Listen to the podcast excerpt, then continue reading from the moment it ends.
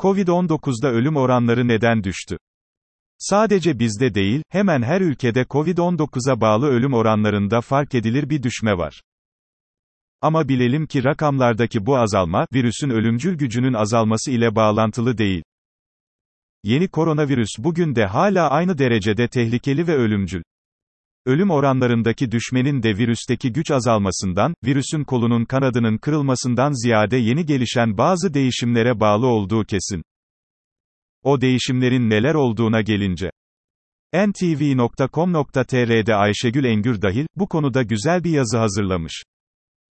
Bugün size o yazıdaki çok değerli bulduğum bilgileri özetleyerek aktaracağım.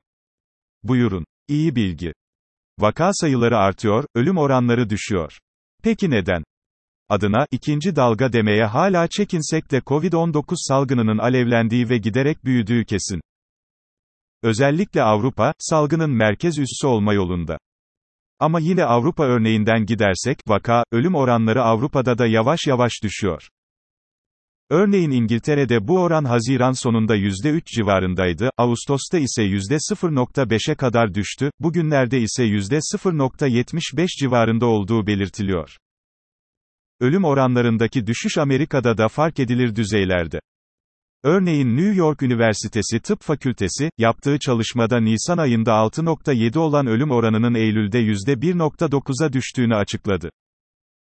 Kısacası hemen her coğrafyada vaka sayılarının arttığı kesin ama ölüm oranlarında fark edilir bir azalmanın olduğu da ortak bir kanaat. Peki neden? Uzman görüşü. Ölümlerdeki azalmanın dört nedeni var. Varan bir hastalık yaşı düştü. Uzmanlar vaka sayısının artmasına rağmen ölüm oranlarındaki düşüşün ilk nedeni olarak Haziran sonrasında enfekte olanların daha genç kişiler olmasından kaynaklanabileceğini söylüyor. Bilindiği gibi pandeminin başlangıcında hastaların büyük bir bölümünü 65 yaş ve üzeri yaşlı, kronik hastalıklı insanlar oluşturuyordu. Haziran ortalarından sonra virüs, özellikle tatil yerlerinde, eğlence ve yeme içme etkinliklerine katılan gençler ve sağlıklı orta yaşlılar arasında da hızla yayılmaya başladı. Yani genç ve orta yaşlılarda da enfekte olanların ve hastaların sayısı arttı. Mesela Avrupa'da Covid-19 hastalarının ortalama yaşı Ocak ayında 54 iken, Temmuz ayında 39'a düştü. Neticede de yaşlılara göre daha güçlü bir bağışıklık sistemine sahip olan gençler hastalığı daha kolay atlattılar, atlatıyorlar. Varan iki tedavide başarı oranı yükseldi. Elimizde hala COVID-19'u tedavi edebilecek güçlü bir ilaç yok ama uzmanların geliştirdikleri destek tedavisi protokollerinin ciddi ölçüde işe yaradığı anlaşılıyor. Sadece favipiravir, dexametazon, remdesivir, azitromisin ile değil, yüksek basınçlı oksijen hatta antikor kokteylleri sayesinde başlangıcı oranla daha hızlı ve başarılı neticeler alınabiliyor.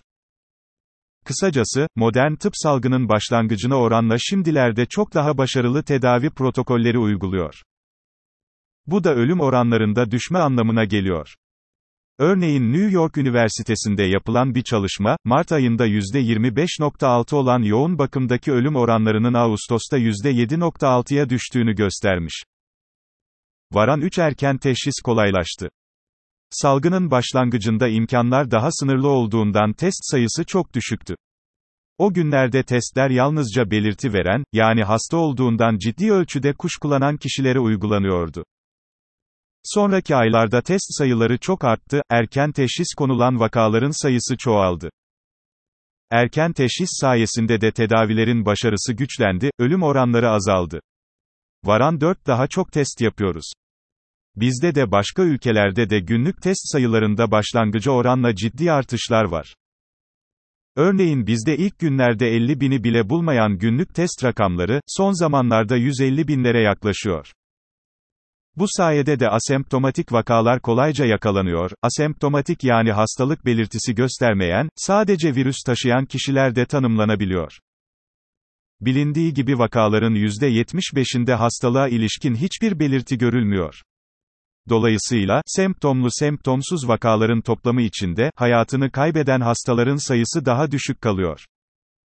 Aman dikkat! Ölüm oranı düştü zannedip tedbiri elden bırakmayın. Bilelim ki virüs hala tehlikeli. Bilelim ki virüs hala özellikle yaşlı ve savunmasız kişilerin hayatını sonlandırma konusunda insafsız ve acımasız. Ve yine bilelim ki virüs çoğu insanda ölümcül sonuçlara yol açmasa da ciddi sakatlıklar bırakabiliyor. Covid-19 enfeksiyonu geçirip solunum yetersizliği, kalp yetmezliği, böbrek yetmezliği, bellek kaybı yaşayan binlerce insan var. Covid-19'un orta ve ileri yaşlarda sisli beyin, çocuklar ve gençlerde ise zeka kaybına, IQ azalmasına yol açabileceğini gösteren yeni kanıtlara sahibiz. Bir not. Geçmiş olsun ve bir teşekkür. Cuma öğle sonrasında hepimiz İzmir'i ve Ege'nin büyük bir bölümünü etkileyen ağır deprem haberiyle sarsıldık ve çok üzüldük. İzmir'e ve Ege'ye geçmiş olsun. Ama bir noktanın altını çizmek, bir başarının hakkını hemen ve hiç beklemeden vermekte de geç kalmayalım. AFAD bu depremde de inanılmaz başarılara imza attı. Mükemmel çalışmalar yaptı. Çok can kurtardı. Ayrıca bir güzelliğin daha hakkını verelim. Biz böyle zor günlerde sımsıkı kenetlenen harika bir milletiz. Böyle olduğumuzu bu depremde de yeniden ve bir kez daha kanıtladık.